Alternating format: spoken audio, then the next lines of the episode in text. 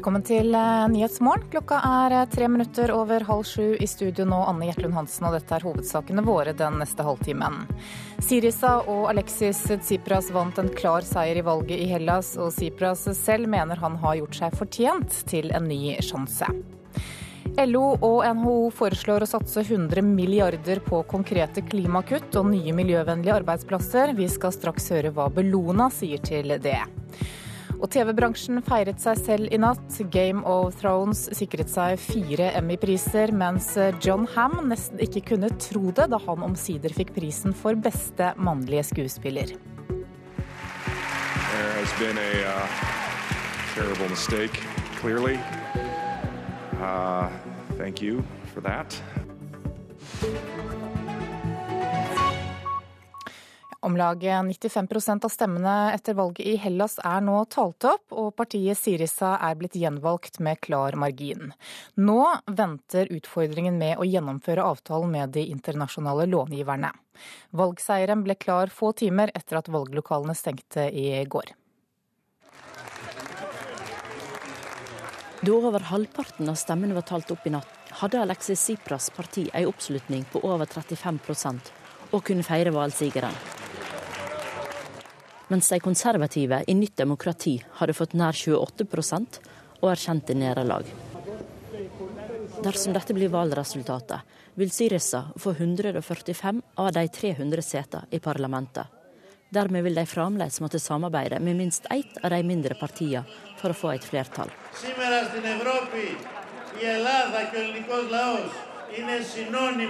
Nå har Hellas blitt synonymt med motstand og respekt, sa Sipras i sin sigerstale.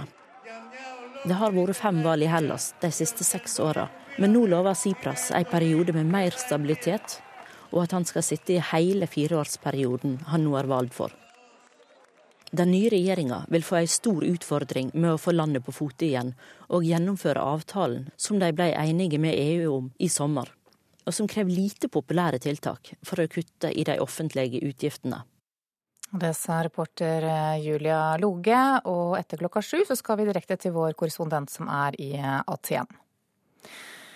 Elbilsatsingen viser at Norge kan bli grønnere ganske raskt. Det mener både NHO og LO. Sammen krever de flere og store konkrete miljøsatsinger.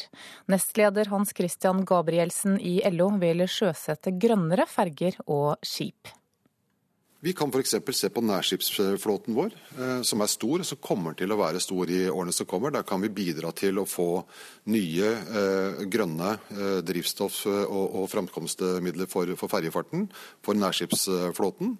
Men samtidig også bidra til innovasjon bidra til nye arbeidsplasser og bidra til ny teknologi som Norge igjen kan eksportere til andre land. Det er opp til det offentlige å bestille inn nok ferger til at noen vil utvikle dem. Så får vi en grønnere flåte, sier Gabrielsen. F.eks. det vi ser nå med ferja Ampere. Som nettopp ble et resultat eh, fordi man i anbudet eh, ba om å få en, en batteridreven ferje. Det vil betale seg å stimulere til utvikling av ny teknologi og at ny teknologi raskere tas i bruk, mener NHO og LO. Kravene koster inntil 100 milliarder kroner frem til 2030, og pengene skal gå til både teknologiutvikling og støtte til nye grønne løsninger i markedet. Og Da eh, er det sånn at vi må, eh, vi må få næringsliv, myndigheter, men også forbrukere til å samarbeide om å finne disse løsningene. Og så må vi gå fra hva skal jeg si, festtaler til konkret handling. og da, hjelper, da gjelder det å finne disse mekanismene, disse ordningene, som klarer å utløse den endrede atferden og nye teknologien. Det hjelper ikke å bygge én elferge, men hvis du vet at alle ferger fremover skal være elektriske, da lønner det seg å investere i teknologien for å utvikle elferger. Elbilsatsingen viser at Norge kan bli grønnere ganske fort, mener LO og NHO. NHO-sjef Kristin Skogen Lund vil ha grønnere lastebilpark og mer fart i biobrenselproduksjonen. Elbilsatsingen har jo bidratt til å endre atferd. Det er blitt mer attraktivt å kjøpe elbil. Men eh, det er faktisk sånn at en tredjedel av utslippene på veiene det kommer fra tungtransport, altså lastebiler og varetransport. Der har vi ikke hatt de tilsvarende ordningene. Det er et eksempel på noe vi må se på. Her er det en kjempemarkedsmulighet for å gå over til biodiesel, og det er faktisk et drivstoff som kan produseres i Norge fordi vi har en stor treindustri. Ja, reporter her, det var Hedvig eh, Bjørgum. Faglig leder i miljøstiftelsen Bellona, Fredrik Hauge, god morgen. God morgen. Aller først, eh, hvor lett blir det å gjennomføre dette som NHO og LO drømmer om? Ja, Det de legger fram her, høres ikke så veldig vanskelig ut. Eh, det eh, er helt riktig. Det går an å elektrifisere en stor del av nærskipsfarten. Det er helt riktig. Ja, vi kan produsere biodrivstoff. Men når man nevner elbiler som et eksempel, så må vi bare minne om at det selges altfor få elbiler for å nå f.eks. de kravene vi får i forbindelse med avtalen som regjeringen skal inngå med EU. Sånn at dette er LO og NHO sin eh, plan. De representerer den eksisterende industrien. Vi må huske på at vi skal ha virkemidler for alle de bedriftene som ikke er startet ennå. Og der er ikke nødvendigvis NHO og LO de beste talsmennene. Ja, Hva er det dere etterlyser da? Nei, for det første så tror jeg vi må gå gjennom eh, hvordan vi eh, driver støtte til forskning og innovasjon i landet her. Det er i veldig stor grad basert på at vi forsker oss fram til vi tror vi skal komme med et gjennombrudd, istedenfor å ta teknologien i bruk gradvis. Det er det vi har gjort på elbil, det vi må også gjøre på CO2-fangst og rensing osv. Så, så, så tror jeg det er viktig å huske på at i Norge så har vi noen store muligheter for å skape arbeidsplasser med å deponere, fange og deponere CO2 fra europeiske kraftverk. Jeg mener at det bør jobbe en rundt 25 000 mennesker i Norge i 2035 hvis EU skal nå sine klimamål. Jeg tror også dette med hele verdikjeden rundt batterier. Det er ingen grunn til at det ikke skal kunne jobbe tusenvis av mennesker i denne type industri, men da må vi altså ha eh, større eh, vilje til å ta risiko i det rammeverket som gjelder forskning og utvikling. Og vi må også, og det er vel kanskje ikke der LO og, LO og NHO er sterkest, men vi må også rett og slett tørre å lage regelverk. Eh, Kristin Skogen Lund nevner lastebiler. Eh, la oss innføre nullutslippssoner for eh, tyngre kjøretøy i de store byene innen 2025 f.eks.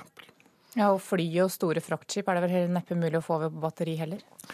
Ja, Nå er det slik at det skjer en ganske rivende utvikling, og jeg tror nettopp dette med økonomien rundt batterier kommer til å bli svært stor. Lasteskip vil kunne få eh, betydelige drivstoffbesparelser, samme supply-båter. Så dette er en utvikling hvor vi kan ligge i front, men hvor det er mange andre som også satser nå. Hvor, eh, hvor vi må ha en rask omstilling. Og det er klart, Nå har vi mange flinke ingeniører eh, i Norge som eh, får eh, annet å gjøre enn å pumpe olje. Og Det betyr også at vi i Norge kunne bli veldig gode på automasjon og den type ting, og også ta en del av den mer skal vi si, kostnadskrevende industrien tilbake, slik Tesla er et veldig godt eksempel på i USA. Vi hørte det ble etterlyst en dugnad her. Hva er det som er vanskeligst da? Få med myndighetene, næringslivet eller forbrukerne, tror du? At det som vi savner i Norge, er jo etter min mening klarere og forutsigbart regelverk. Vi har i stor grad de siste årene basert oss på at CO2 skal ha en pris gjennom kvotehandelssystemet. Det viser seg at den ikke er høy nok. Og da tror jeg vi må rett og slett se til USA, og det president Obama gjør nå, hvor man f.eks. setter grenser på hvor mye CO2 per kilowatt produsert time. Eh, det samme kan man altså gjøre på en helt annen måte innenfor transport og en del andre sektorer. Fredrik Hauge, takk for at du kom hit til Nyhetsmorgen. Og Samtidig som LO og NHO forsøker å presse regjeringen til å satse på et grønt skifte, så forsøker Svalbard Høyre å presse regjeringen til fortsatt norsk kulldrift på Svalbard.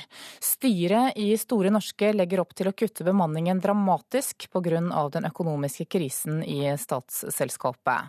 Det vil Svalbard Høyres førstekandidat ved lokalstyrevalget Torgeir Prytz kjempe imot. Dette angår jo over 150 ansatte. og det er klart Vi som lokalpolitikere kan ikke sitte stille og, og se på at vi mister en tredjedel av arbeidsplassene våre her oppe. Hva slags alternativ ser du i forhold til det styret i Store Norske har anbefalt? Jeg tror ikke driftsstans nødvendigvis er det vi er best kjent med, eh, med tanke på hvor mange som mister jobben. Så kan du jo leke litt med tanker på andre måter å, å, å, å drive på. Eh, kanskje drive i mindre skala kanskje drive med en annen organisering. Kanskje drive med andre aktører inn i selve mm, det som har med drift av gruva. Svalbard Høyre vil snart få et møte med ledelsen i Næringsdepartementet. Betydninga ei nedbemanning har for Svalbard-samfunnet står sentralt. I helga har Høyres nestleder, statsråd Bernt Høie, vært på besøk i Longyearbyen. Svalbard Høyre har brukt tida på å argumentere for fortsatt norsk kulldrift med han, sier Torgeir Prytz. Ja, han er jo helseminister, men det er klart det. Vi må jo, vi må jo bruke alle kanalene vi har. Ja, reporter det var Lars Egil Mogård.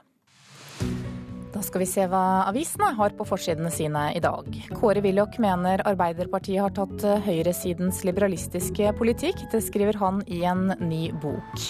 Han mener Arbeiderpartiets suksessoppskrift bl.a. i dette lokalvalget er at de har gått bort fra sin sosialistiske ideologi, skriver Dagsavisen.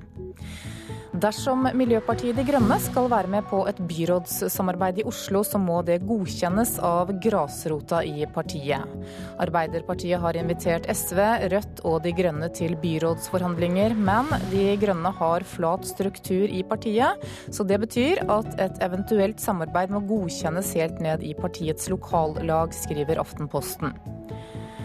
Fylkesledere i Fremskrittspartiet har ingen ønsker om at partiet skal trekke seg ut av regjering nå. Vårt Land skriver at til tross for at statsminister Erna Solberg har antydet at Norge kan komme til å ta imot 15 000 flyktninger i år, så er det bare én av de 15 fylkeslederne i Frp avisa har vært i kontakt med, som mener at smertegrensen for antall flyktninger er nådd. Klassekampen skriver at justisministeren ikke greier å nå egne mål for retur av utlendinger. Anders Anundsen vil sende ut flere, nærmere bestemt 10 100, men verken UDI eller politiet greier å nå det målet. Samtidig vokser køen av asylsøkere.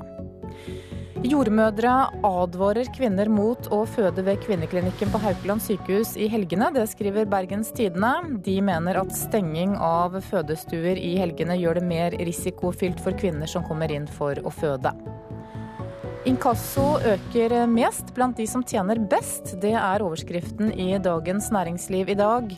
Folk med høy inntekt sliter ofte med, oftere med å betale ned lån, biler og luksusvarer.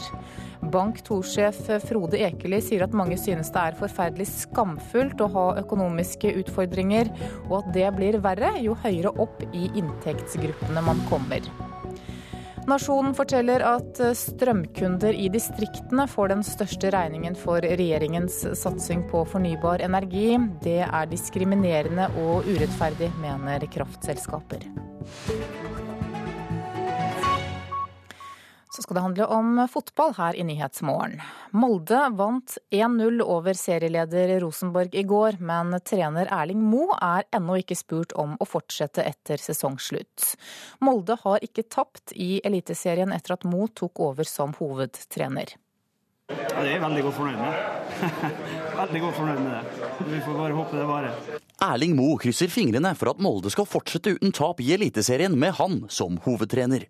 Men moldenseren tror ikke han får fortsette etter sesongslutt. Det er på grunn av at Han er jo ikke det når han ikke har blitt spurt om det. Eh, så liksom det er ingen eh, grunn til å spekulere i eller eh, begynne å prate om. Til tross for at Molde er ubeseiret i Eliteserien med Mo som trener, og tok en sterk borteseier mot Fenerbahçe i Europaligaen forrige uke, er ikke Mo skuffet over at tilbudet om å bli permanent hovedtrener har uteblitt.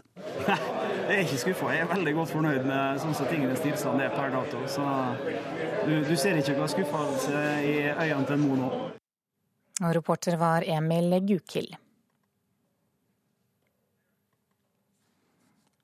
Klokka er 6.46, eh, sånn skal det være. Eh, og vi skal ha eh, hovedsakene våre. Sirisa og Alexis Tsipras vant en klar seier i valget i Hellas i går.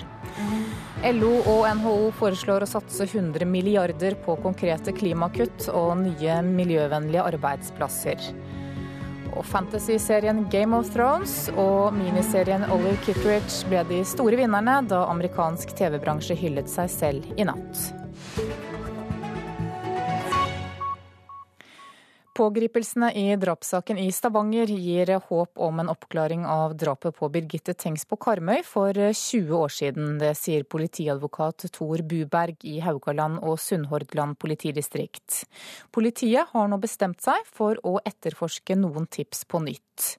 Og det at fire menn nå er siktet for å ha drept Tina Jørgensen, kan få nye personer til å åpne seg om Tengs-saken, tror Buberg. Det gir jo håp at eh, vi kan prøve å få i gang noe tilsvarende her hos oss. Det er imidlertid avhengig av at vi får eh, tips og nye tips fra publikum. Og eh, hvis det er noen som ønsker å lette sin samvittighet, så er politiet rett adresse. Ja, For det sitter noen der ute som, som vet noe? Ja, det gjør det. Åpenbart. At det er noen som vet der ute. Og vi er selvfølgelig eh, veldig interessert i å, å prate med den eller, eller de personene. Og eh, som sagt så er det ofte godt for den enkelte å få, få lagt eh, ting på bordet og komme videre i livet. Det er flere likhetstrekk mellom de to drapssakene, men det mest påfallende er at begge sakene har hatt en mistenkt som det senere har vist seg er uskyldig. På Karmøy ble Birgitte Tengs sin fetter tiltalt for drapet, men frikjent i lagmannsretten.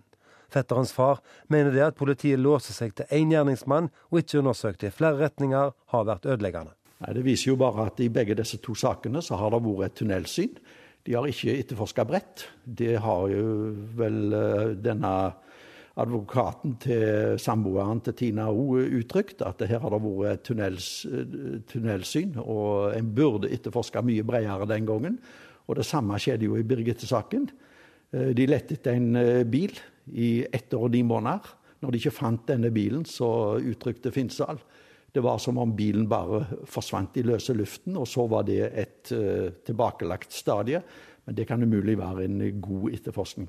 Ja, for Bilspor her er kanskje avgjørende. for Birgitte Tengs ble sett i Kopervik sentrum halvveis inni en bil som aldri ble funnet. Ja, og Det burde gi ettertanker. og eh, Det er vel ikke noe tvil fra vår side om at Birgitte frakta opp til Gamle Sundsvei i bil. Selv om han er kritisk til politiets arbeid, sier også far til fetteren at pågripelsen i Tina-saken gir håp om en oppklaring på Karmøy. Ja da, det er håp i Birgitte-saken, selv om tida jobber imot oss. Og vi merker jo at politiet er jo ikke særlig villige. Noe genuin interesse for å oppklare drapet på Birgitte er det jo ikke hos politiet, sånn som jeg ser det.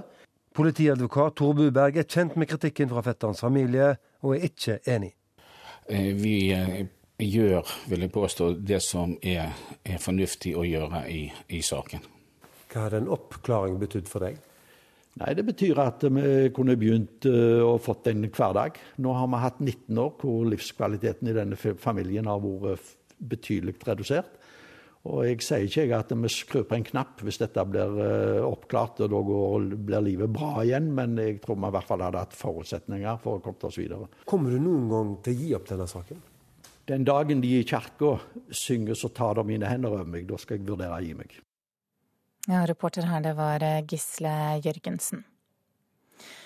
Fantasy-serien Game of Thrones og miniserien Olive Kitteridge ble nattens store vinnere under utdelingen av TV-bransjeprisen Emmy i Los Angeles i USA. De to seriene fikk henholdsvis fire og seks priser hver. Etter å ha vært nominert i kategorien beste dramaserie i flere år, så gikk den gjeve Emmy-statuetten omsider til Game of Thrones i natt. And the Emmy goes to Game of Thrones.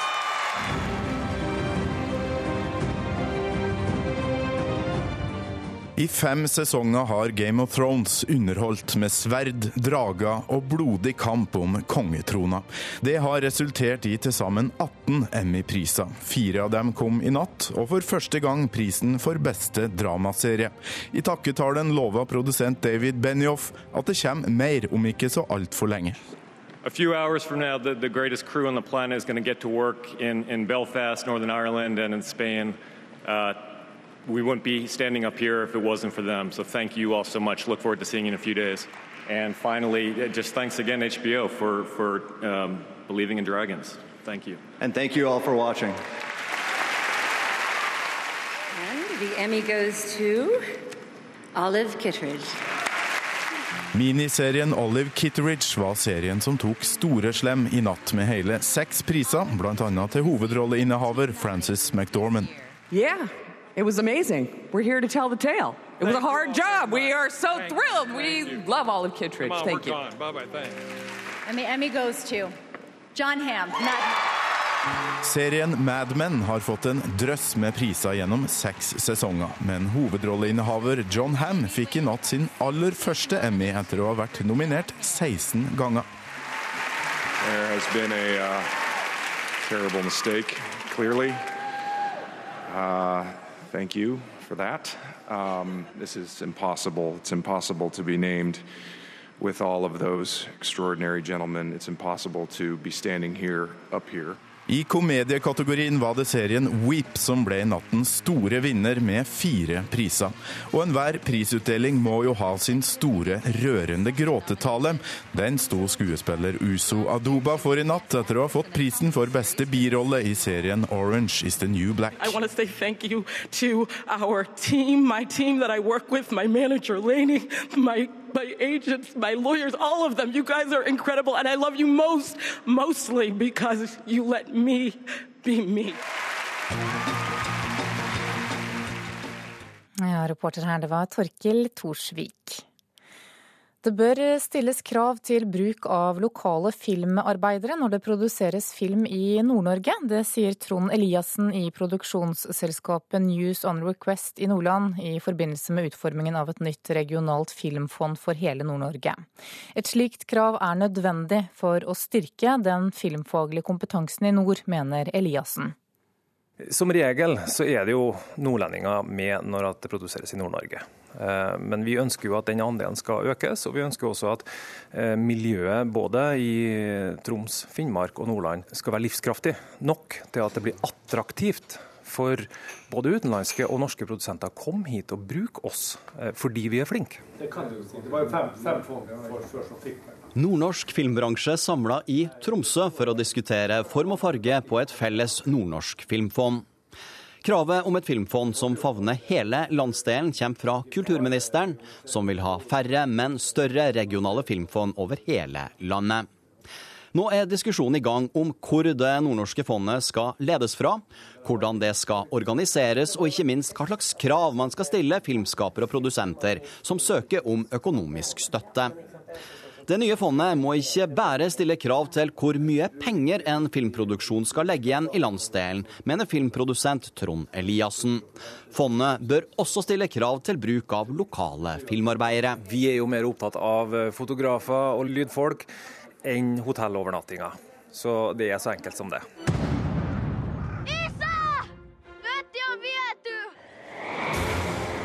Den finske julefilmen Rare Exports ble i sin helhet spilt inn i Indre Troms, og med mange nordnorske navn på rulleteksten, deriblant stylist og kostymemaker Nina Erdal.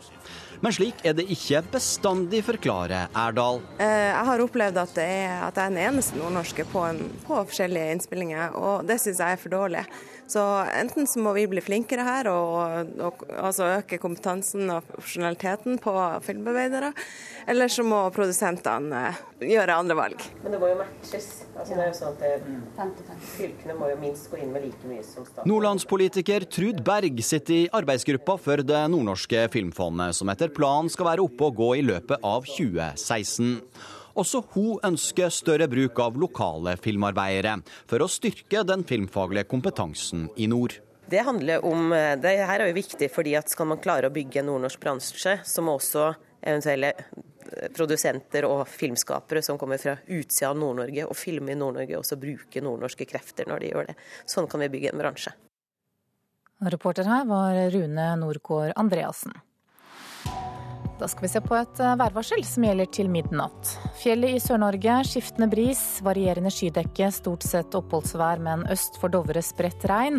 Fra i ettermiddag spredt regn også øst i Langfjella. Østlandet og Telemark skiftende bris, fra i ettermiddag sørlig bris på kysten. Skyet eller delvis skyet, mulighet for spredte byger. Agder til dels pent vær, utover ettermiddagen sørøstlig bris. Tilskyende og i kveld litt regn fra sør. Rogaland oppholdsvær og perioder med sol. Fra i ettermiddag sørøstlig bris. Tilskyende og i kveld litt regn sør for Boknafjorden. Hordaland og Sogn og Fjordane skiftende bris, lokal morgentåke, ellers til dels pent vær. Møre og Romsdal skiftende bris, fra i ettermiddag nordøstlig bris på kysten. Lokal morgentåke, ellers til dels pent vær. Trøndelag skyet eller delvis skyet. Enkelte regnbyger fra i ettermiddag østlig bris. Fortsatt enkelte regnbyger i grensetraktene, ellers delvis skyet opphold. Nordland og Troms nordøstlig bris. I grensetraktene skyet og spredt regn. Ellers oppholdsvær og etter hvert en del sol. Men nordover i Troms for det meste skyet. Ellers er det ventet lokal morgentåke.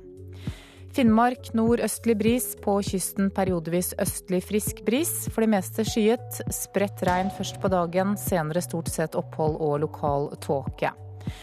Og på Nordensjøland på Spitsbergen er det ventet sørvestlig bris i dag. Fra i ettermiddag frisk bris, skyet og etter hvert litt regn.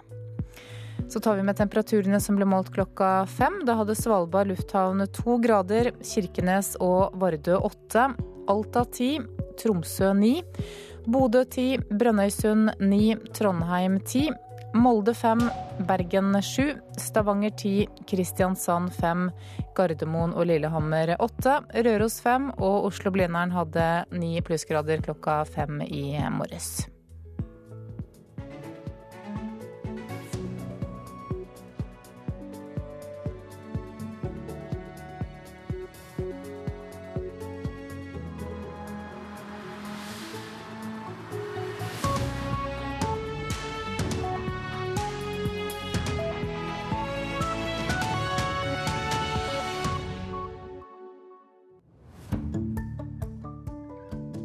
Syns øynene er veldig urovekkende, egentlig. Fordi liksom, du kan se på nesa og se at den ser ut som en ganske sånn normal nese, men øynene liksom, Hvis jeg ser bare sånn kjapt på det, så ser jeg bare alle øynene i ryggen. Og den der har f.eks. ikke pupiller eller noe hvitt i seg, og det får meg helt sånn Jeg får sånn behagelig følelse av det. Det ser ut som zombie, kanskje? Ja, det er jo ingen som smiler, og det er en dåp. Jeg syns det er ganske trist. Ja sa IO Cappelen Smith og Elvira Horvei om det skumleste verket på høstutstillingen, nemlig teppet Dåpen, laget av Dorte Herup. Ved hjelp av smarte tenåringer og profilerte kritikere ser vi nærmere på årets bidrag i Kulturhuset mandag klokka 13 på NRK P2. Antall deprimerte i Norge kunne vært halvert, mener professor. Og venstreradikale Sirisa vant valget klart og får en ny sjanse til å styre Hellas. Her er NRK Dagsnytt klokken sju. Antallet som sliter med angst og depresjon i Norge kan halveres, hevder assisterende direktør ved Folkehelseinstituttet, professor Arne Holte. Hver femte nordmann opplever depresjon eller angst i løpet av livet. Og Holte mener bedre barnehager og psykisk helse som eget fag i skolen er veien å gå. Vi kunne antagelig ha re redusert dette, viser våre modeller, til nesten eh, det halve. Men først må gravide få oppfølging av helsesøstre kurser i psykisk helsevern. Alle barn må gå i gode barnehager, og psykisk helse må bli et eget fag i skolen, hevder Holte. Dette er de sykdommene som angår flest mennesker. Sånn at det er både ut fra et lidelsesaspekt, men også ut fra et samfunnsøkonomisk aspekt at vi er nødt til å gjøre noe. Reporter her Marit Gjelland. I Hellas er nesten alle stemmene etter gårsdagens valg talt opp, og partiet Syriza er gjenvalgt med klar margin. Alexis Tsipras parti fikk en oppslutning på 35% mens konservative Nytt demokrati har fått 28% av stemmene. Og med det får Syriza nesten halvparten av setene i parlamentet.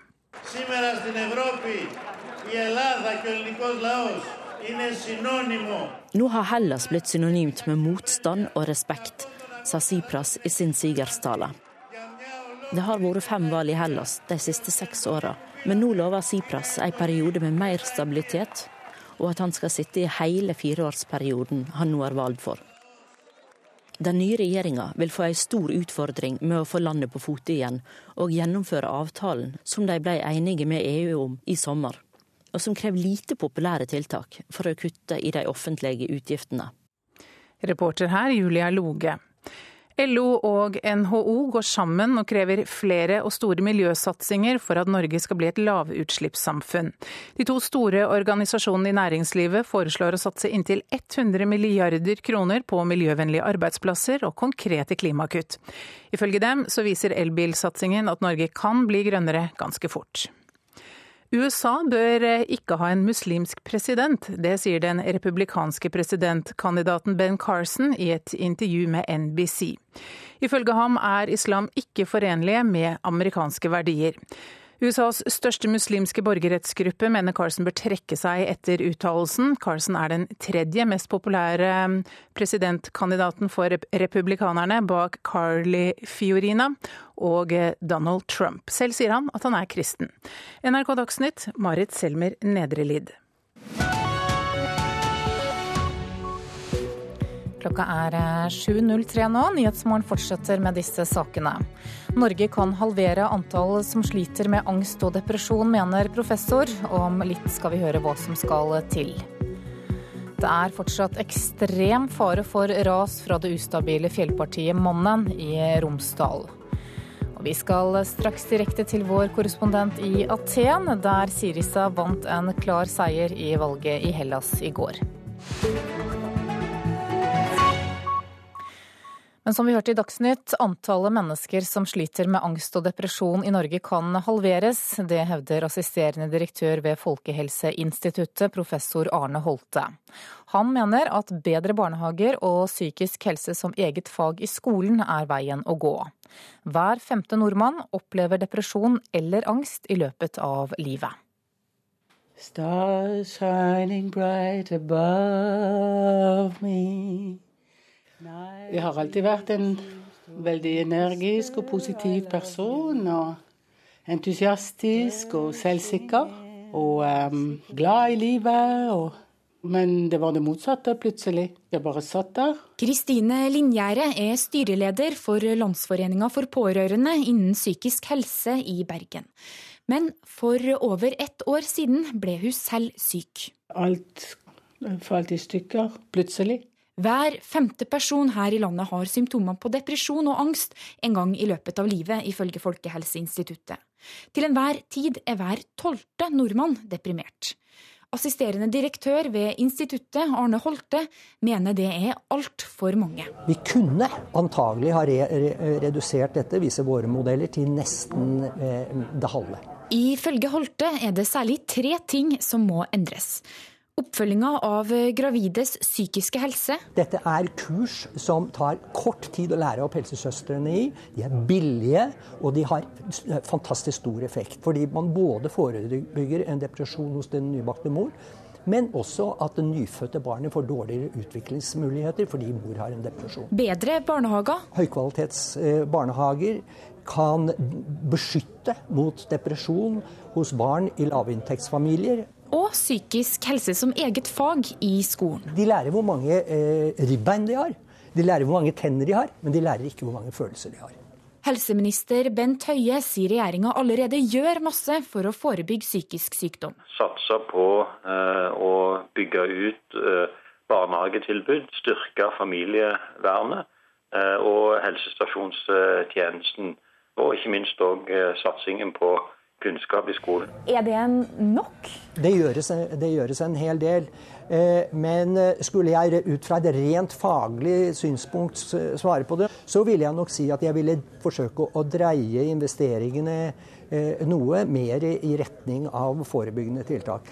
Dette er de sykdommene som angår flest mennesker. Sånn at det er både ut fra et lidelsesaspekt, men også ut fra et samfunnsøkonomisk aspekt at vi er nødt til å gjøre noe med dette. Night breezes seems to whisper I love you. Kristine er nå i full jobb igjen. Psykolog, venner, meditasjon og turgåing har hjulpet. Jo, og så var det én liten ting til. Jeg gikk på sangtrening for å synge foran andre. Krever selvtillit. Ja, jeg har ikke lenger depresjon. Dream a little dream of me. Ja, det var nok. Nå blir jeg veldig rørt. Reporter her, det var Marit eh, Gjelland. Psykolog eh, Lene Berggraff, god morgen. God morgen. Du jobber som skolepsykolog ved videregående skoler i Drammen, og har tatt doktorgrad med fokus på medfølelse for eh, andre. Jeg tenkte aller først å spørre deg, vi hører altså at én av fem har symptomer på angst og depresjon i løpet av livet. men kan du fortelle litt om hva som skiller dette fra sorg og redsel som de fleste av oss opplever fra tid til annen? Ja, det er ganske stor forskjell eh, på det. Depresjon er gjerne den energitomme, um, nedstemte, lengrevarige opplevelsen som gjør at ting virker håpløst, og det som før var OK for en, var, er ikke lenger så OK. Og det kjennes ut som noe som det er vanskelig å komme ut av, eller som også en følelse som varierer lite i løpet av dagen. Da. Mens eh, sorg, f.eks., det er en eh, tristhet over noe som man har mista, eller noen som man har mista som har vært viktig for en. Og da blir det en naturlig reaksjon på noe som eh, har vært vanskelig, eller som er annerledes i livet enn før. Hva er dine erfaringer med hvordan fokus på psykisk helse i skolen kan være med på å forebygge? Ja, Det, det er spennende. Jeg har starta som skolepsykolog eh, ved Drammen kommune ved skolehelsetjenesten eh, siden mars.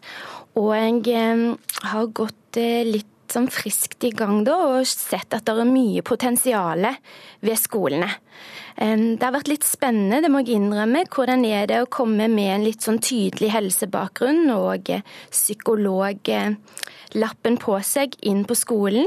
Hvordan blir man tatt imot, og hva, hva er mulig i en sånn kontekst? Og det, det ser jeg at det, det er mye som er mulig, og det er veldig kjekt. Hvilke verktøy er det vi og barna våre trenger dersom vi skal greie å halvere antallet som sliter med depresjon og angst? Ja, Det var et uh, direkte spørsmål, men uh, det er mye vi kan gjøre. For det første så trenger vi å ha fokus på det å trives. Det er nok uh, I hverdagen vår så er det det vi har aller mest behov for. Det ser vi på skolen òg, ved å kjenne oss trygge og at vi trives så, så, har vi det egentlig ganske bra. Hvis vi har noen å forholde oss til, noen venner, ikke kjenner oss ensomme, og at vi er trygge på at eh, jeg betyr noe for noen rundt meg, og at noen er glad i meg. Det, eh, sånn er barn og voksne ganske like. Eh, og det har en stor betydning for vår helse. Og ikke minst så trenger vi litt opplysning, eh, litt informasjon om hva som er normalt, og hva er det som jeg kan gjøre når noe er vanskelig, da. Ja, hva med psykisk helse som et eget fag, slik Arne Holte i Folkehelseinstituttet foreslår her? Det hadde vært eh, veldig flott, tror jeg. Det, det hadde ikke vært eh, dumt i det hele tatt. Det jeg er liksom spent på, det er jo at skolen har veldig mye som eh, foregår, og at de har eh, tette læreplaner. Og spenningen er hva, hvis noe skal komme til, hva må eventuelt gå ut? Og det er vel der som eh, gjør at det blir en det er en fin debatt, men det kan bli vanskelig å gjerne gjøre de valgene, da. Men jeg håper jo at de valgene vil bli gjort. Mm. Vi hører helseministeren her som mener at regjeringen allerede gjør masse for å forebygge psykisk eh, sykdom. Eh, er det nå? Det som har vært en veldig sånn positiv dreining i det siste, det er å virkelig styrke kommunehelsetjenesten. Altså det f.eks. psykologer i kommunene. Og eh, der er mange flotte tiltak som, eh, som ble nevnt av Bent Høie. Og det viktigste er jo at det har fått mye fokus. Det syns vi er veldig bra. Eh, det som vi ser er at det, det trenger nok en fremdeles styrking, spesielt på forebyggingsfronten, som professor Arne Holte sier så fint. Det er at vi, vi har fremdeles en tradisjon for å behandle. Vi tenker fort psykisk lidelse, og vi ser ut vi ser ut til å trenge måtte jobbe mer med å forstå at psykisk helse er litt annerledes. Det handler om trivsel, det handler om trygghet, det handler om å høre til. Det handler om å ønske å komme til et sted og føle seg ønska, eh, og kunne være seg sjøl. Mens når vi snakker om psykisk helse, så er det mange som tenker psykisk lidelse umiddelbart, og da får det fort et behandlingspreg eh, og en behandlingstankegang med seg. Så vi må tenke begge deler, men eh, jeg tror jeg tror eh, Arne Holte har veldig rett i at eh, økt fokus på forebygging, det, det trenger, vi, eh, enda mer av. Psykolog Lene Berggraff, takk for at du var med her i Nyhetsmorgen skal vi høre at eh, eierne av verneverdige hus kan slippe unna boligskatten flere steder i landet. Også villaeiere i noen av landets aller rikeste gater kan bli skjermet. For i flere kommuner så har Miljøpartiet De Grønne sin egen vri på eiendomsskatten, samtidig som de er i vippeposisjon. For Miljøpartiet De Grønne så er eiendomsskatt et virkemiddel, ikke noen prinsippsak. Eh, noen steder, sånn som i Oslo, så går vi inn for eiendomsskatt. Sier talsperson Rasmus Hansson i De Grønne. Men eierne av verneverdige boliger slipper å betale dersom Miljøpartiet får gjennom sin boligskattevri i forhandlingene som nå pågår mange steder i landet folk som har verneverdige hus, pålegges av eh, fellesskapet å overholde en del restriksjoner med hvordan de kan eh, bygge om, male eller eh, gjøre andre ting med husene sine, uten at de får noen penger for det. Da syns vi det er rimelig at de ikke beskattes ekstra. Og det kan føre til at tusener av boliger slipper unna boligskatt, tror Huseiernes Landsforbund. Utredningsleder Dag Refling nevner Oslo som eksempel. Det er klart at i en by som Oslo så er jo indre sone har veldig mange områder som har verneverdi. Vi har bevaringsområde f.eks. på Grünerløkka. Det er svært mange bygninger som ligger der. Ja, det er et svært område. Vi har et bevaringsområde på Fagerborg. Vi har det ved Tøyen haveby, Ullevål haveby og en rekke andre mindre steder. Og denne gule listen. Og det er svært mange bygninger som står på den listen. Så det kan bli et ganske stort volum på dette dersom det blir vedtatt. I hovedstaden avgjør De Grønne hvem som nå får makten. Og får partiet gjennomslag for sin skattevri, vil mange av byens aller mest fornemme adresser på vestkanten helt slippe unna boligskatten. Hvis vi snakker om virkelig store, verdifulle eiendommer, så har vi jo dette gamle, altså aller rikeste direktørene i Madserud allé. Hvis man går Madsrud allé oppover, så ser du disse villaene på et sted mellom 35, 40, 50 millioner kroner. Den ene etter den andre oppover. Vi har også en del eh, områder på Bygdø hvor verdiene er svært høye. Eierne av disse eiendommene vil jo se seg svært begeistret for et sånt forslag. Det vil jo være virkelig store beløp. Der kan De Grønne være deres beste venn nå? Ja, det er godt å ha en grønn venn. Nei, jeg, Om det tenker jeg at uh, de fleste uh, verneverdige husene de ligger både her og der i byen. Men vi kan ikke bli så uh, fikserte på å flå de rike at vi ødelegger kulturarven vår i iveren. Dessuten er det slett ikke i alle kommuner at De Grønne mener boligskatt er nødvendig påpeker Rasmus Hansson. Og så er Miljøpartiet De Grønne fullt villig til å diskutere detaljer i en sånn ordning. Men grunnprinsippet er altså at vi prøver å bidra til eh, at kulturarven vår blir bevart. Altså gjenstår det å se om De Grønne får gjennomslag for forslag i forhandlinger med Arbeiderpartiet. Reporter her, det var Sindre Heierdal. Det er fortsatt ekstrem fare for ras fra det ustabile fjellpartiet Mannen i Romsdal. Natt til i går ble det målt rekordstor bevegelse i fjellet. Og reporter Gunnar Sandvik, du er på plass ved fjellpartiet. Hvordan er situasjonen nå?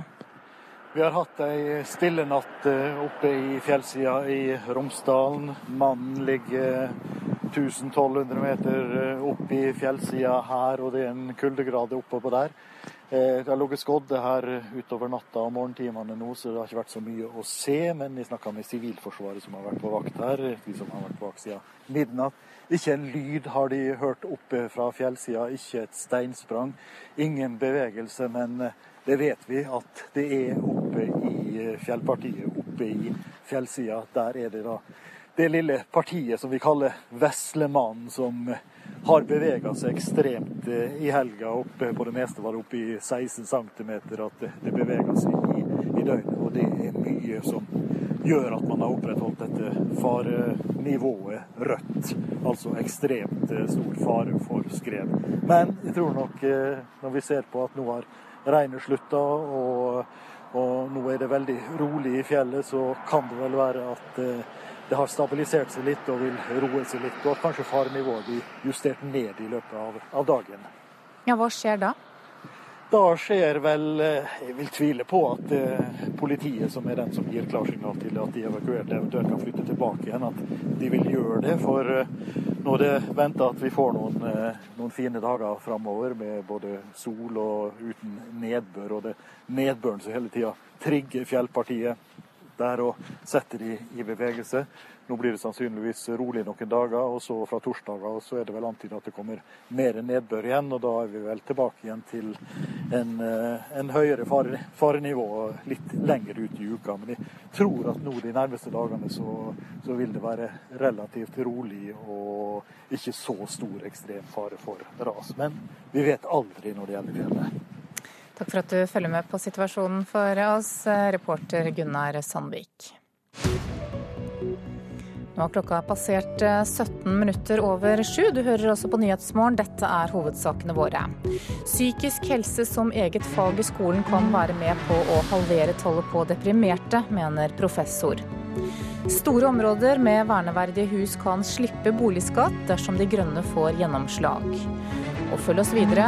USA skal ta imot 185 000 syriske flyktninger i løpet av de to neste årene. Men nå skal vi til Hellas, der Sirisa vant en klar seier i valget til en ny nasjonalforsamling i går. Alexis Tsipras parti fikk en oppslutning på 35% mens konservative Nytt demokrati har fått 28% av stemmene. Og europakorrespondent Åse Marit Befring, du er i Aten. Hva er grunnen til at Sirisa fikk størst oppslutning i dette valget? Ja, dette var jo en overraskende stor seier ut fra hva man har sett både på valgdagsmålingen og på meningsmålinger eh, gjennom den siste uka. Det viste nærmest dødt løp. Grunnen til at han gikk av med seieren, det er at han fortsatt blir oppfattet som et friskt pust. En som ikke er en del av det forhatte politiske etablissementet eh, preget av korrupsjon og ukultur. Og Han sa selv etter seieren at nå har det greske folket gitt oss klar beskjed om å kvitte oss med alt det gamle. Folk tror på Alexis Tsipras når han sier at han vil ta et oppgjør med dette systemet. Noe som også blir eh, nødvendig for å reformere økonomien. Så han har nå fått en ny sjanse, en andre sjanse av folket. Og hvem vil han samarbeide med da? Jo, han går i koalisjonsregjering med det samme partiet som han hadde med i regjering sist, Høyrepartiet Uavhengige grekere. Eh, dette partiet gikk også litt tilbake eh, i dette valget, men, men, begge har nå et klart flertall, så de blir flertallsregjering. Eh, og Allerede i dag så blir Alexis Tsipras sverget inn som statsminister, og så regner det med å ha denne koalisjonsregjeringen på plass innen onsdag. Du var selv på valgvaken til Sirisa i går. Hvordan var den opplevelsen? Nei, Der var det full musikk og sang og eh, valgresultatet på storskjerm eh, til eimen av både grillmat og øl. Det, det, var en stor fest, men det var langt fra den feiringen eh, som var i januar, da jeg også var der. Da måtte de stenge en firefelts vei utenfor fordi det var så mange tusen mennesker som ville feire. De hadde så mye håp. Og det håpet, det er jo nå borte. Nå skal de i stedet brette opp ermene, som Alexis Tsipras sa i går kveld, og gjøre en tøff jobb. Dette her blir tøff, tøft for grekerne når de nå skal gå i gang med innstramminger. Hvilke konsekvenser får det i første omgang? Nei, altså selvfølgelig, Dette her vil jo prege hele det greske, det greske samfunnet. fordi De skal jo nå i gang med innsparinger etter fem år med kutt og dårlige tider. Eh, og det vil jo selvfølgelig prege alle grekere, fordi at de vet nå at nå blir det høyere skatter, pensjonen skal ytterligere kuttes, og det offentlige skal kutte utgiftene. Men samtidig så er dette her en ryddeprosess som kreditorene har krevd, og som Alexis Tsipras, til tross for at han gikk til valg på at han er imot innsparinger, har sagt at han vil gjøre. Mange er eh, kanskje litt lei av å høre om stadig nye valg i Hellas. Hva med grekerne selv? Ja, Dette er jo tredje gang de har blitt bedt om å gå til valgurnene i løpet av dette året. Det er femte gang på seks år. Og eh, vi så jo da at eh, det, hvor mange som gikk til valget, det var 55% altså Det er rekord, rekordlav oppslutning om dette valget. Ned fra 63% i januar. Eh, dette tyder på at folk er lei. De er lei av å måtte gå til valgurnene, de er lei av å stemme. Og det betyr kanskje også at de egentlig ikke ser noen håp til endring etter det valget. Takk skal du ha, europakorrespondent Åse Marit eh, Befring. Da skal vi høre at eh, USA skal ta imot 185 eh, 000 syriske flyktninger i løpet av de to neste årene. Det sa utenriksminister John Kerry i går. Kerry forsøker også å dra i gang samtaler for å løse opphavet til flyktningstrømmen, nemlig borgerkrigen i Syria. Noen av de syriske opprørsgruppene har inngått våpenhvile med regjeringsstyrkene i tre byer for å la folk få tak i mat og medisiner. Men det er mye som skal falle på plass om utenriksminister Kerry skal komme noen vei.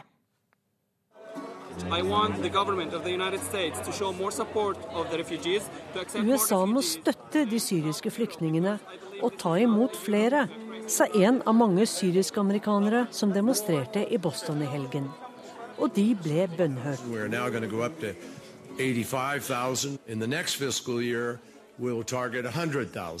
Utenriksminister John Kerry sa i går at USA skal ta imot nesten 200 000 syrere i løpet av de neste to årene.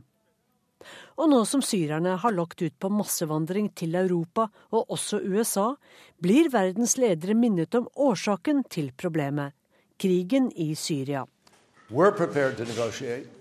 Is Assad prepared to negotiate, really negotiate? Is Russia prepared to bring him to the table and actually find the solution to this violence? Vi må få i gang forhandlinger for å få stanset krigen nå, sier utenriksminister John Kerry. Muligens er han optimistisk når han vil forhandle med Syrias president Bashar al-Assad om Bashar al-Assads egen avgang. Men uansett regjerer Syrias president bare over en tredel av landet sitt nå. Terrorgruppen IS kontrollerer nesten over halvparten av territoriet, mens kurdere og forskjellige opprørsgrupper kontrollerer resten. Utenriksminister Kerry er opprørt over at Russland trapper opp sitt militære nærvær i Syria og bærer ved til bålet, i stedet for å trekke med seg Assad til forhandlingsbordet. Russland og Iran leverer våpen til Assad-regimet, mens Saudi-Arabia og Tyrkia støtter forskjellige opprørsgrupper. Når krigen forlenges, reiser enda flere fremmedkrigere og jihadister til Syria, sa Kerry og hans tyske kollega Steinmeier i går. Vi vil bare lykkes i å stanse krigen når det internasjonale samfunnet står sammen.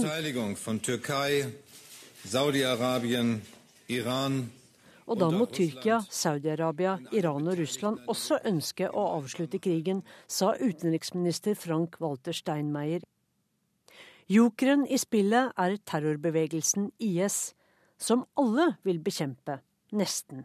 For USAs venn og allierte, Saudi-Arabia, har fundamentalistiske wahhabister som støtter IS, Al-Nusra-fronten og Al Qaida.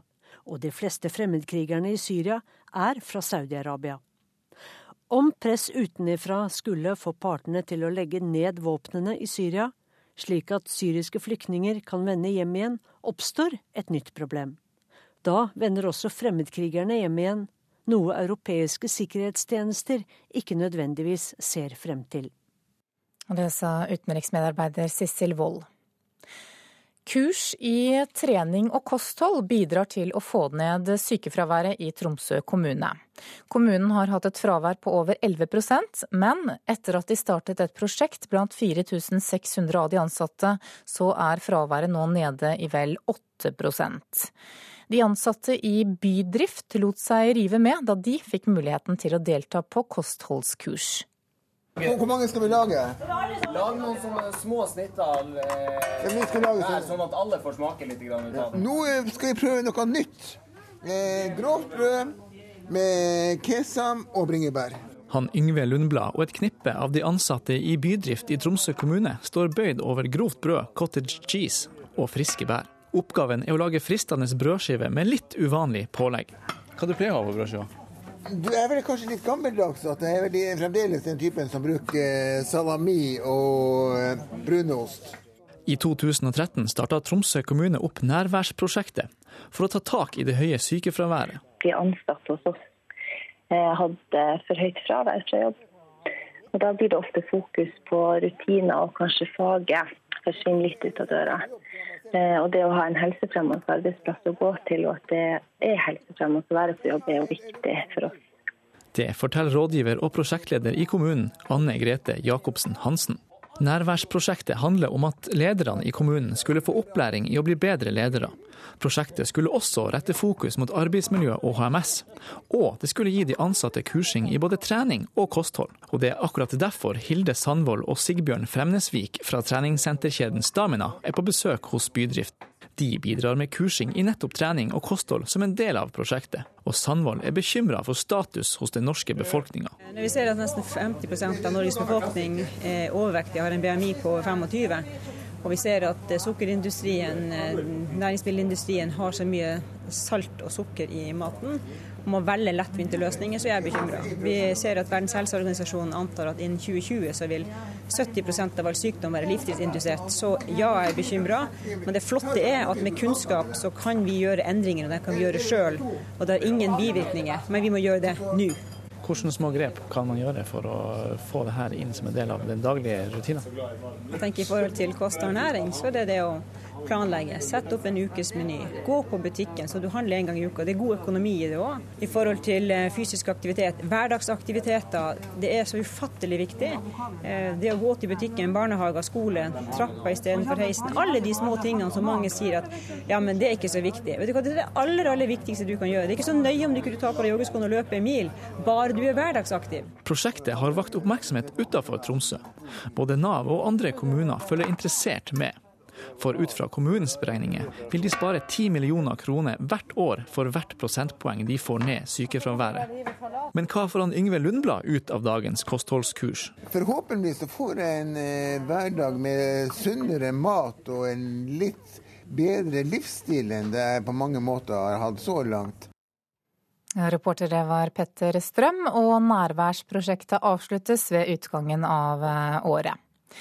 Du lytter til Nyhetsmorgen nå. Klokka nærmer seg 7.30 og Dagsnytt. I reportasjen etter det skal du få høre om Abid Raja, som har arrangert konferanse i New York for å støtte forfulgte muslimer i Myanmar. Og i Politisk kvarter så blir det mer om det politiske puslespillet etter kommunevalget i både hovedstaden og oljehovedstaden Stavanger. Produsent for Nyhetsmorgen i dag det er Tonje Grimstad, og her i studio Anne Jetlund Hansen.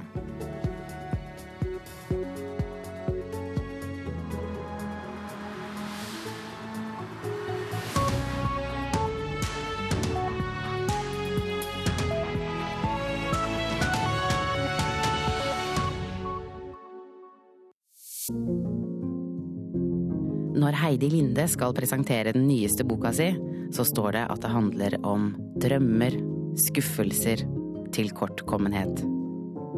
Det er jo sånne temaer vi elsker i salongen, så selvsagt så slår hun seg ned rundt bordet i dag.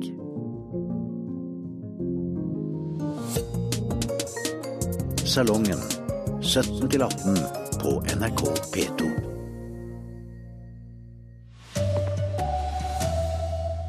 Halvparten som får angst og depresjon kunne sluppet med bedre forebygging, mener professor. Og Alexis Tsipras og hans parti Sirisa får en ny sjanse i Hellas. Game of Thrones vant den gjeveste prisen i nattens Emmy-utdeling. Her er NRK Dagsnytt klokken 7.30. Antall nordmenn som sliter med angst og depresjon kan halveres. Det hevder assisterende direktør ved Folkehelseinstituttet, professor Arne Holte. Han vil ha bedre forebygging allerede i barnehage og skole. Hver femte nordmann opplever depresjon eller angst i løpet av livet.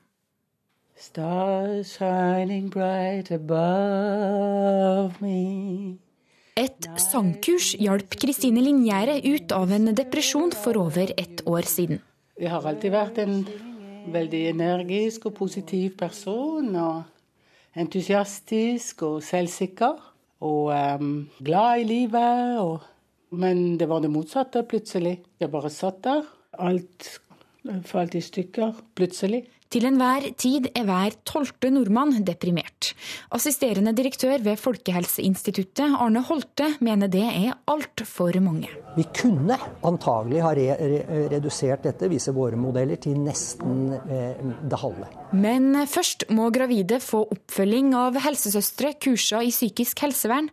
Alle barn må gå i gode barnehager, og psykisk helse må bli et eget fag i skolen, hevder Holte. Helseminister Bent Høie sier regjeringa allerede gjør masse for å forebygge psykisk sykdom. Satser på uh, å bygge ut uh, barnehagetilbud, styrke familievernet uh, og helsestasjonstjenesten. Og ikke minst òg satsingen på kunnskap i skolen. Det er ikke nok, mener Holte. Dette er de sykdommene som angår flest mennesker. Sånn at det er både ut fra et lidelsesaspekt, men også ut fra et samfunnsøkonomisk aspekt at vi er nødt til å gjøre noe. Reporter her var Marit Gjelland. Lene Bergraff er skolepsykolog ved videregående skoler i Drammen og har tatt doktorgrad med fokus på medfølelse for andre. Hun støtter professor Arne Holte i at psykisk helse bør inn som eget fag. Det hadde vært eh, veldig flott. Eh, vi har fremdeles en tradisjon for å behandle. Vi tenker fort psykisk lidelse, og vi ser ut vi ser ut til å trenge måtte jobbe mer med å forstå at psykisk helse er litt annerledes. Det handler om trivsel, det handler om trygghet, det handler om å høre til. Det handler om å ønske å komme til et sted og føle seg ønska, eh, og kunne være seg sjøl. Mens når vi snakker om psykisk helse, så er det mange som tenker psykisk lidelse umiddelbart, og da får det fort et behandlingspreg. Så vi må tenke begge deler. Men eh, jeg tror, eh, jeg tror eh, Arne Holte har veldig rett i at økt fokus på forebygging, det, det trenger vi enda mer av. Jordmødre i Bergen advarer kvinner mot å føde på Haukeland universitetssykehus i helgene. I et debattinnlegg i Bergens Tidende skriver jordmødrene at bemanningen er uansvarlig, både for ansatte og fødende. Klinikkoverlege Susanne Albrektsen sier det er en krevende vikarsituasjon ved fødeavdelingen, men at det er trygt å føde der, også på lørdag og søndag. Så skal vi til Hellas, der det venstreradikale partiet Syriza vant en klar seier i gårsdagens eh, valg. Og europakorrespondent Åse Marit Befring, hvorfor får påtroppende statsminister Alexis Tsipras en ny sjanse med så god margin? En grunn til det er nok eh, at folk fortsatt ser på han som et friskt pust. En som kommer utenfra og som eh, faktisk mener det når han sier at han eh, vil jobbe for folket. Han kalte dette en seier for folket. Så de tror på han når han sier at han nå skal rydde i korrupsjonskulturen, og så skal han altså i gang med dette og gjennomføre disse reformene. Ja, hva kan han gjøre annerledes denne gangen? Men nå må han altså i gang og brette opp armene og innføre alle disse reformene som han har sagt eh, ja til. Dette kommer til å bli et tøft, eh, tøff gjennomføring for en regjering som er imot innsparinger. Det handler altså om reformer som skal føre til at de får 86 milliarder euro, som de har eh, underskrevet i avtalen med kreditorene på. Det vil grekerne merke. De har allerede strammet livreima så de knapt kan puste. Ja, og hvem skal Syriza styre sammen med? Ja, Syriska skal styre sammen med et uh, lite høyreparti, uavhengige grekere. Det var de de også satt i regjering med uh, i forrige gang. Uh, dette partiet gikk også litt tilbake, men de har likevel da en flertallsregjering på plass når de setter i gang. Og allerede i dag så blir jo da Sipras sverget inn som statsminister, og så skal regjeringen være på plass i løpet av et par dager. Takk skal du ha, europakorrespondent Åse Marit Befring.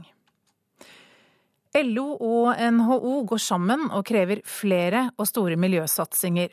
Nå vil de bruke milliarder på miljøvennlige arbeidsplasser og konkrete klimakutt. NHO-sjef Kristin Skogen Lund vil bl.a. at lastebilene skal kjøre grønnere. Elbilsatsingen har jo bidratt til å endre atferd. Det er blitt mer attraktivt å kjøpe elbil. Men eh, det er faktisk sånn at en tredjedel av utslippene på veiene det kommer fra tungtransport, altså lastebiler og varetransport. Der har vi ikke hatt de tilsvarende ordningene. Det er et eksempel på noe vi må se på. Her er det en kjempemarkedsmulighet for å gå over til biodiesel, og det er faktisk et drivstoff som kan produseres i Norge fordi vi har en stor treindustri. Og det vil betale seg å stimulere til utvikling av ny teknologi. og at ny teknologi raskere tas i bruk, mener NHO og LO. Kravene koster inntil 100 milliarder kroner frem til 2030, og pengene skal gå til både teknologiutvikling og støtte til nye grønne løsninger i markedet. De to store i arbeidslivet vil ha endringer både til lands og vanns. Vi kan f.eks. se på nærskipsflåten vår, eh, som er stor, som kommer til å være stor i årene som kommer. Der kan vi bidra til å få nye eh, grønne eh, drivstoff og, og framkomstmidler for ferjefarten, for nærskipsflåten. Sier nestleder Hans Christian Gabrielsen i LO. Men samtidig også bidra til innovasjon, bidra til nye arbeidsplasser og bidra til ny teknologi som Norge igjen kan eksportere til andre land. Og disse kravene legges frem i dag. Reporter her var Hedvig Bjørgum. Det er fortsatt ekstrem fare for skred fra det ustabile fjellpartiet Mannen i Romsdal. Natt til i går ble det målt rekordstor bevegelse i fjellet, og en ny og oppdatert rapport om forholdene kommer klokken ni. Eierne av verneverdige hus kan slippe unna boligskatten flere steder i landet. Også villaeierne i noen av landets rikeste gater kan bli skjermet. For i flere kommuner har De grønne sin egen vri på eiendomsskatten, samtidig som de har havnet på vippen i mange kommuner. Folk som har verneverdige hus pålegges å overholde en del restriksjoner med hvordan de kan eh, bygge om, male, eh, uten at de får noen penger for det sier talsperson Rasmus Hansson i De Grønne. Da syns vi det er rimelig at de ikke beskattes ekstra. Og det kan føre til at tusener av boliger slipper unna boligskatt, tror Huseiernes Landsforbund. Utredningsleder Dag Refling nevner Oslo som eksempel. Indre sone har veldig mange områder som har verneverdi. Og vi har jo en eh, gammel liste som heter gul liste. Og det er svært mange bygninger som står på den listen. Så det kan bli ganske stort volum på dette dersom det blir vedtatt. Men det gjenstår å se om De Grønne får gjennomslag for forslaget i forhandlinger med Arbeiderpartiet. Reporter Sindre Heierdal. Fantasyserien Game of Thrones og miniserien Olive Kittredge ble de store vinnerne da amerikansk TV-bransje hyllet seg selv i natt. Og etter å ha vært nominert til beste dramaserie i mange år, gikk den gjeveste Emmy-statuetten endelig til Game of Thrones. And the Emmy goes to Game of Thrones. Etter fem sesonger har Game of Thrones samla til sammen 18 Emmy-priser. Fire av dem kom i natt, og det skal komme mer. Sverd, drager og blodig kamp om trona om ikke lenge. Det lova produsent David Benioff i sin takketale. Now, the, the Belfast, Northern Ireland and in Spain. We wouldn't be standing up here if it wasn't for them. So thank you all so much. Look forward to seeing you in a few days. The Emmy goes to Olive Kittredge. Minidramaserien Olive Kitteridge tok storeslem i natt med hele seks priser, bl.a. til hovedrolleinnehaver Frances McDormand. It was a hard job. We are so thrilled. We love Olive Kittredge. Thank you. John Hamm. John Hamm i serien Mad Men har vært nominert 16 ganger til Emmy-prisen. I natt fikk han endelig sin første. There has been a uh, terrible mistake, clearly. Uh, thank you for that. Um, this is impossible. It's impossible to be named with all of those extraordinary gentlemen. Ja, en av de mange glade vinnerne i California i natt. Reporter her var Torkil Thorsvik. Ansvarlig for denne dagsnyttsendingen Sven Gullvåg, teknisk ansvarlig Guri Finnsveen og i studio Marit Selmer Nedrelid.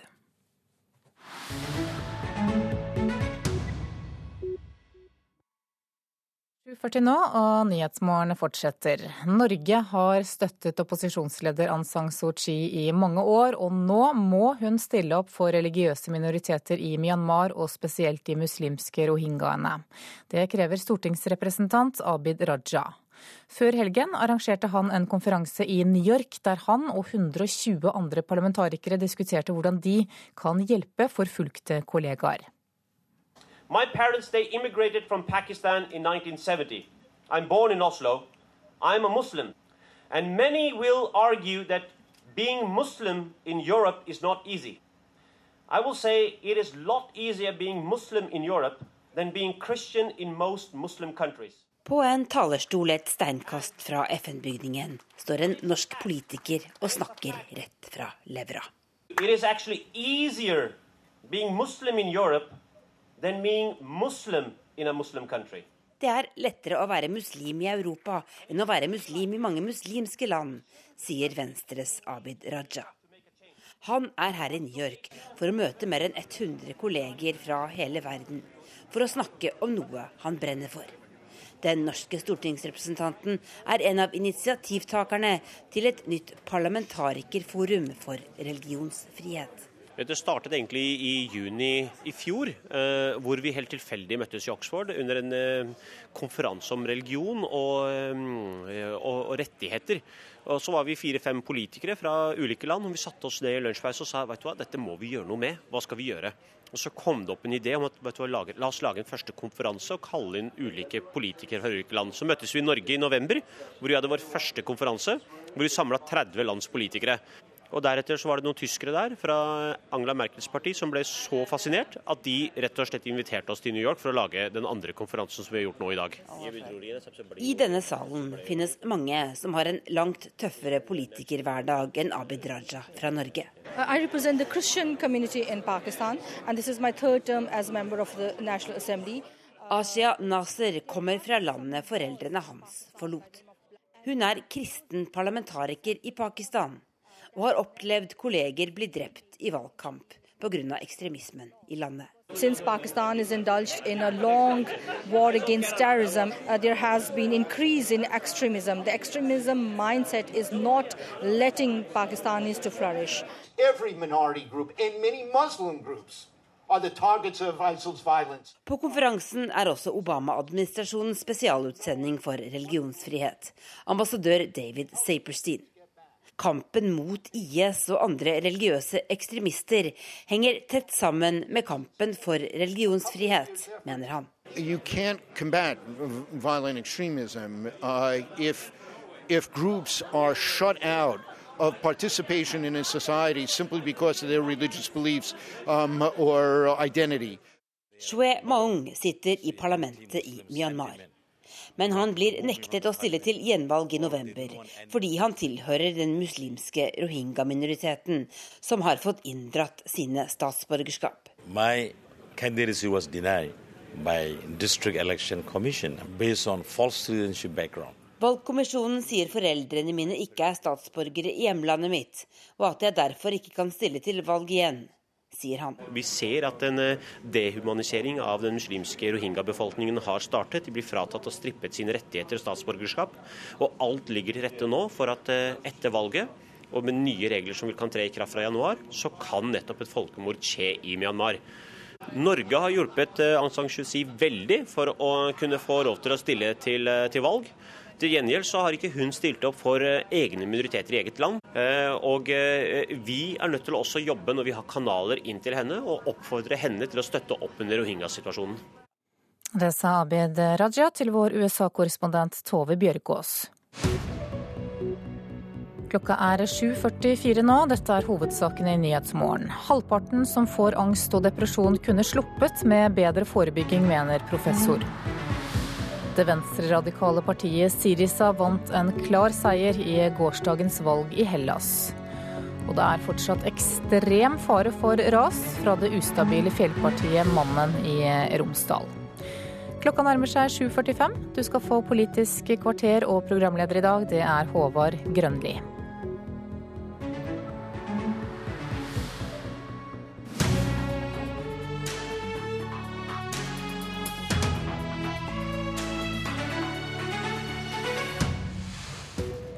Venstre sikrer at eh, Frp får mer å si i Stavanger-politikken.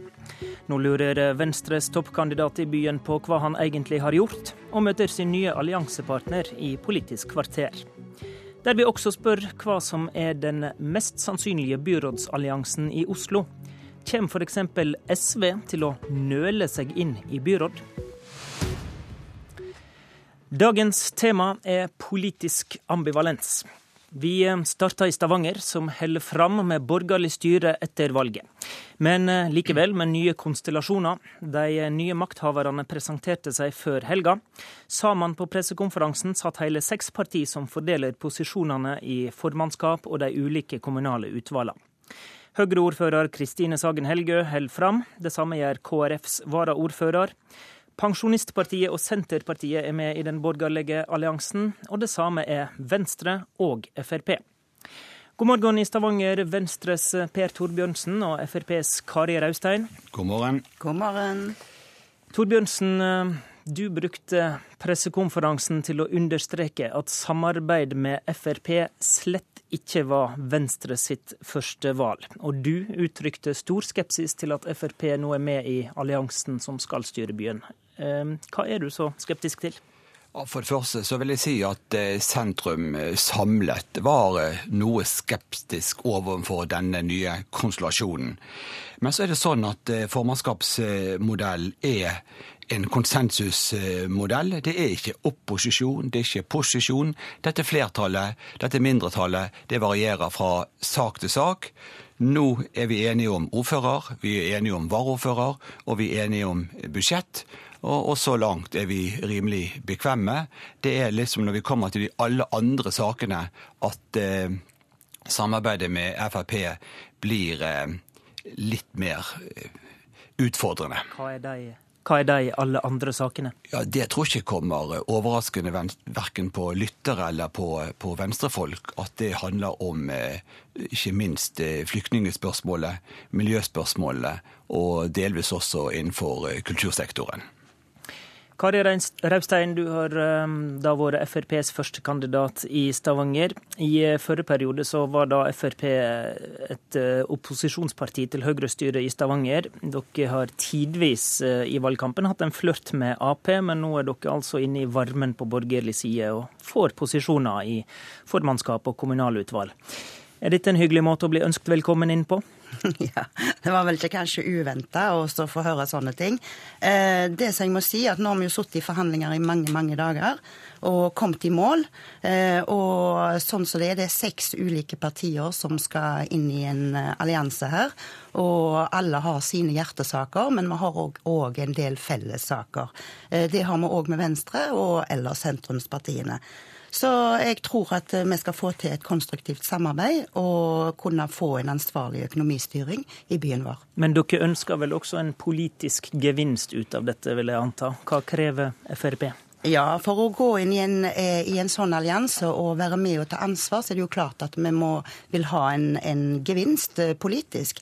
Eh, vi har våre hjertesaker, og de kommer vi til å kjempe for. Hva, hva dreier de seg om? Blant annet så er vi veldig opptatt av at Stavanger skal være en ja-kommune. At vi skal kunne legge til rette for å kunne si ja til næringslivet skal etablere seg her. Det vil bety mange nye arbeidsplasser. Eh, vi vil òg eh, gjøre en innsats både i skole og på, på, eldreomsorgen. Så vi har absolutt våre hjertesaker som vi vil kjempe for inn i dette samarbeidet. Avbyråkratisering, forenkling og eldreomsorg, Torbjørnsen, det er vel ikke noe å være redd for? Nei, og vi har faktisk vært i samarbeid med Fremskrittspartiet tidligere. Jeg tror det sist var eh, fire perioder siden. Og så lenge man snakker om de sakene som nå snakkes om, så er ikke dette noe problem. Det er ikke sånn at vi sier nei til næringslivet. Men, nei. men, hva er du redd for at Frp kan komme til å bruke eh, nyvunnet makt til, da? Det, det, er jo nettopp at vi eh, f.eks. skulle sagt at vi ikke skulle tatt imot eh, Syria-flyktningene. At vi ikke skal utvide det antallet hvis Stortinget sier ja til enda eh, flere. Det er miljøspørsmålet, at ikke vi skal ta utslippsutfordringene på ramme alvor. Og det er også at det skulle komme brutale eh, forslag om nedskjæringer innenfor eh, kultursektoren. Men, vel... men, med all denne skepsisen din, hvorfor valgte du som du gjorde, da? Jeg sier at når vi kommer til budsjett, så er det ikke rare prosenten vi sitter og endrer på i forhold til rådmannens eh, forslag. Det mener jeg skal være overkommelig. Og så er det på de andre sakene hvor Høyre, Kristelig Folkeparti, Venstre, Pensjonistpartiet, Senterpartiet i de siste periodene også har klart å skape en felles eh, politikk på alt det andre. Det er den felles politikken på alt det andre som er utfordringen. Derfor hadde vi sagt f.eks. nei til å gå i byråd med Frp, men å, men å gå i en, inn i en formannskapsmodell i en flertallskonstellasjon på budsjett, det er, det er overkommelig. Altså det er såpass få politiske forpliktelser i dette samarbeidet at det er greit? Ja, det ligger jo allerede en kommuneplan som er vedtatt så sent som i juni, som skal, skal gjelde for neste fireårsperiode. Det ligger en eh, handlingsøkonomiplan som er vedtatt for de neste i hvert fall tre årene. Så her er veldig mye på plass av sånn vi ønsker at byen skal utvikle seg. Men så har, så har eh, Kari Raustein helt rett i at den store utfordringen for alle i bystyret, enten vi sitter i flertall eller mindretall, det er å skape og tilrettelegge for nye og grønne arbeidsplasser. Det er den store, store felles utfordringen. Og der er jeg sikker på at vi skal få både Arbeiderpartiet og SV og Miljøpartiet og Fremskrittspartiet med oss i fortsettelsen. Raustein, som Torbjørnsen peker på her, så går du faktisk med i en politisk allianse som nå da har stadfesta eh, holdningene sine på dette med mottak av flyktninger, skjenkepolitikk og søndagsåpent, som jo ikke akkurat er Frp-politikk på de tre områdene. Hvorfor går du med i en sånn allianse, da? Nei, eh, for å si Det sånn, det er jo veldig kjent dette at eh, vi har et annet politisk eh, synspunkt på disse sakene. Og det vil jo vi stå fast med videre òg. Og nå er det jo gjort en del vedtak der som egentlig er ferdigbehandla. Men vi, vi, vil jo kjempe for at Fremskrittspartiets politikk òg skal bli hørt. Kan, men, men, men gjelder... kan nettopp det bli problematisk, da, når dere vil være så uenige i en del politiske saker, samtidig som dere skal være gjensidige garantister for politiske posisjoner? Altså Det jeg har lyst til å si da, da er er det jo sånn at eh, i et samarbeid så skal det være gevinsttaker for alle. Eh, og da er det en avveining for òg Fremskrittspartiet at vi vil ha gjennomslag òg for en del av våre saker. Nå er Fremskrittspartiet det nest største partiet i denne alliansen, og det er jo klart at det gjør jo at vi òg vil bli hørt i andre saker. Blant annet, nå var Torbjørnsen inne på dette med miljøspørsmål. Fremskrittspartiet er jo veldig for å få ned bilkøene. Vi har jo en del eh, køer i rushtida, og det er jo veldig god miljøpolitikk å få ned disse. Og det har Fremskrittspartiet konstruktive, gode forslag til. Hun vil bli hørt, eh, Torbjørnsen. Ser du med uro på de konfliktene som kan komme? Nei, På det som nå nevnes, så eh, er dette også eh, innenfor rekkevidde av, av, et godt samarbeid. For jeg har lest meg opp på Frp sitt program, og de tar jo til orde for skinnegående kollektivtransport i Stavanger på en måte som er nesten oppsiktsvekkende bra. Så jeg er overbevist om at vi kan nå finne også fellessaker. Men for meg er jo det først og fremst Men på de andre sakene, da? Er, det, er, du redd for de politiske konfliktene som kan komme? Ja, jeg, altså, jeg må være ærlig og si at eh, Fremskrittspartiet var jo ikke førstevalget til, eh, til Venstre. Eh, jeg kan ikke på en måte sitte her og si at uh, dette var med, med overbegeistring vi gikk inn i, i, dette samarbeidet. Det var en nødvendighet. Det var tvingende nødvendig å skape et uh, flertall. Venstre så ikke noe annet alternativ annet enn å gå i opposisjon. Så... Ja, du kunne jo gjort det, da. Hvis du er i tvil om det du gjør er riktig. Eh, en venstremann, og særlig jeg, er i tvil om veldig mye inntil vi liksom konkluderer. Og nå har vi gjort eh, konklusjonen, og vi skal klare å få til et godt eh, budsjettsamarbeid med, med Frp. Så ambivalensen bor i venstresjela? Eh, jeg kan ikke snakke for alle de andre tusenvis, men eh, for meg handler det ofte om på den ene siden og på den andre siden før vi eh, konkluderer. Det syns jeg er et godt liberalt utgangspunkt. Men vi ender alltid opp med et klart standpunkt, og det har vi også gjort nå. Og så er vi spent på fortsettelsen på alle de andre sakene som ikke er budsjett, og der er jeg sikker på at vi skal få et ganske bredt flertall i Stavanger-politikken. Det trenger vi. Det har vært mye uro de siste fire årene. Vi trenger trenger i større grad å stå sammen fordi byen har store utfordringer. Takk til Per Torbjørnsen i Venstre og Kari Raustein i Frp.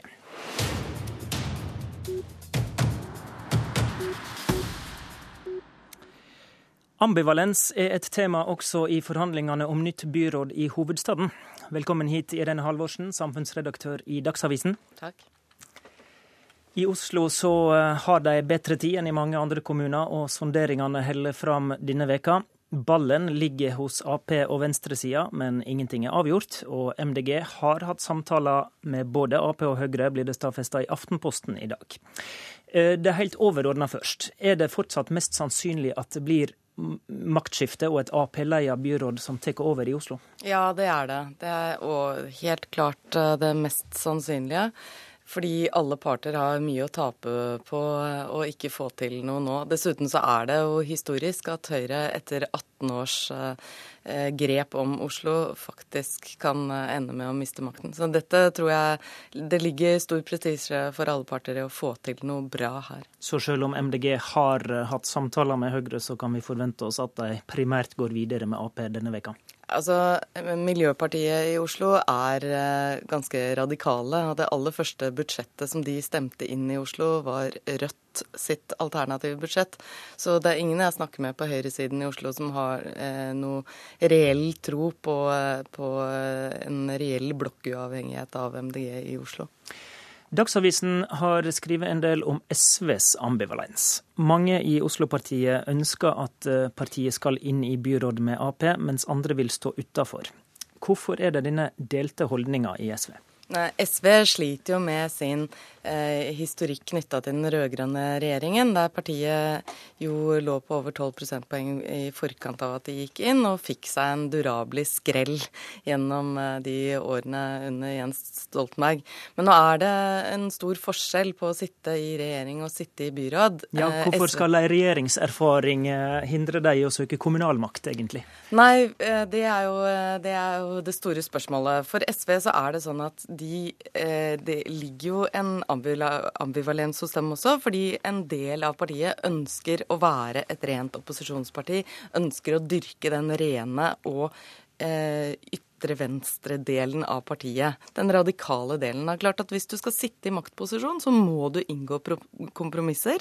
Kompromisser som tidvis smerter veldig i en idealistisk sjel.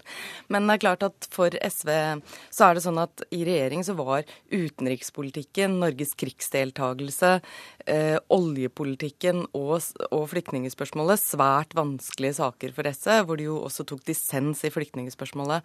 Dette er jo saker som i liten grad har betydning betydning i lokalpolitikken. og Derfor er sjansen SV har til å få gjennomslag lokalpolitisk også mye større. Dessuten så er det sånn at Raymond Johansen er veldig opptatt av at uh, både SV og MDG, og også Rødt, skal få uh, reell påvirkningskraft på det, på det, maktpolitiske grunnlaget. Og han mener jo at småpartiene gjør Arbeiderpartiet bedre.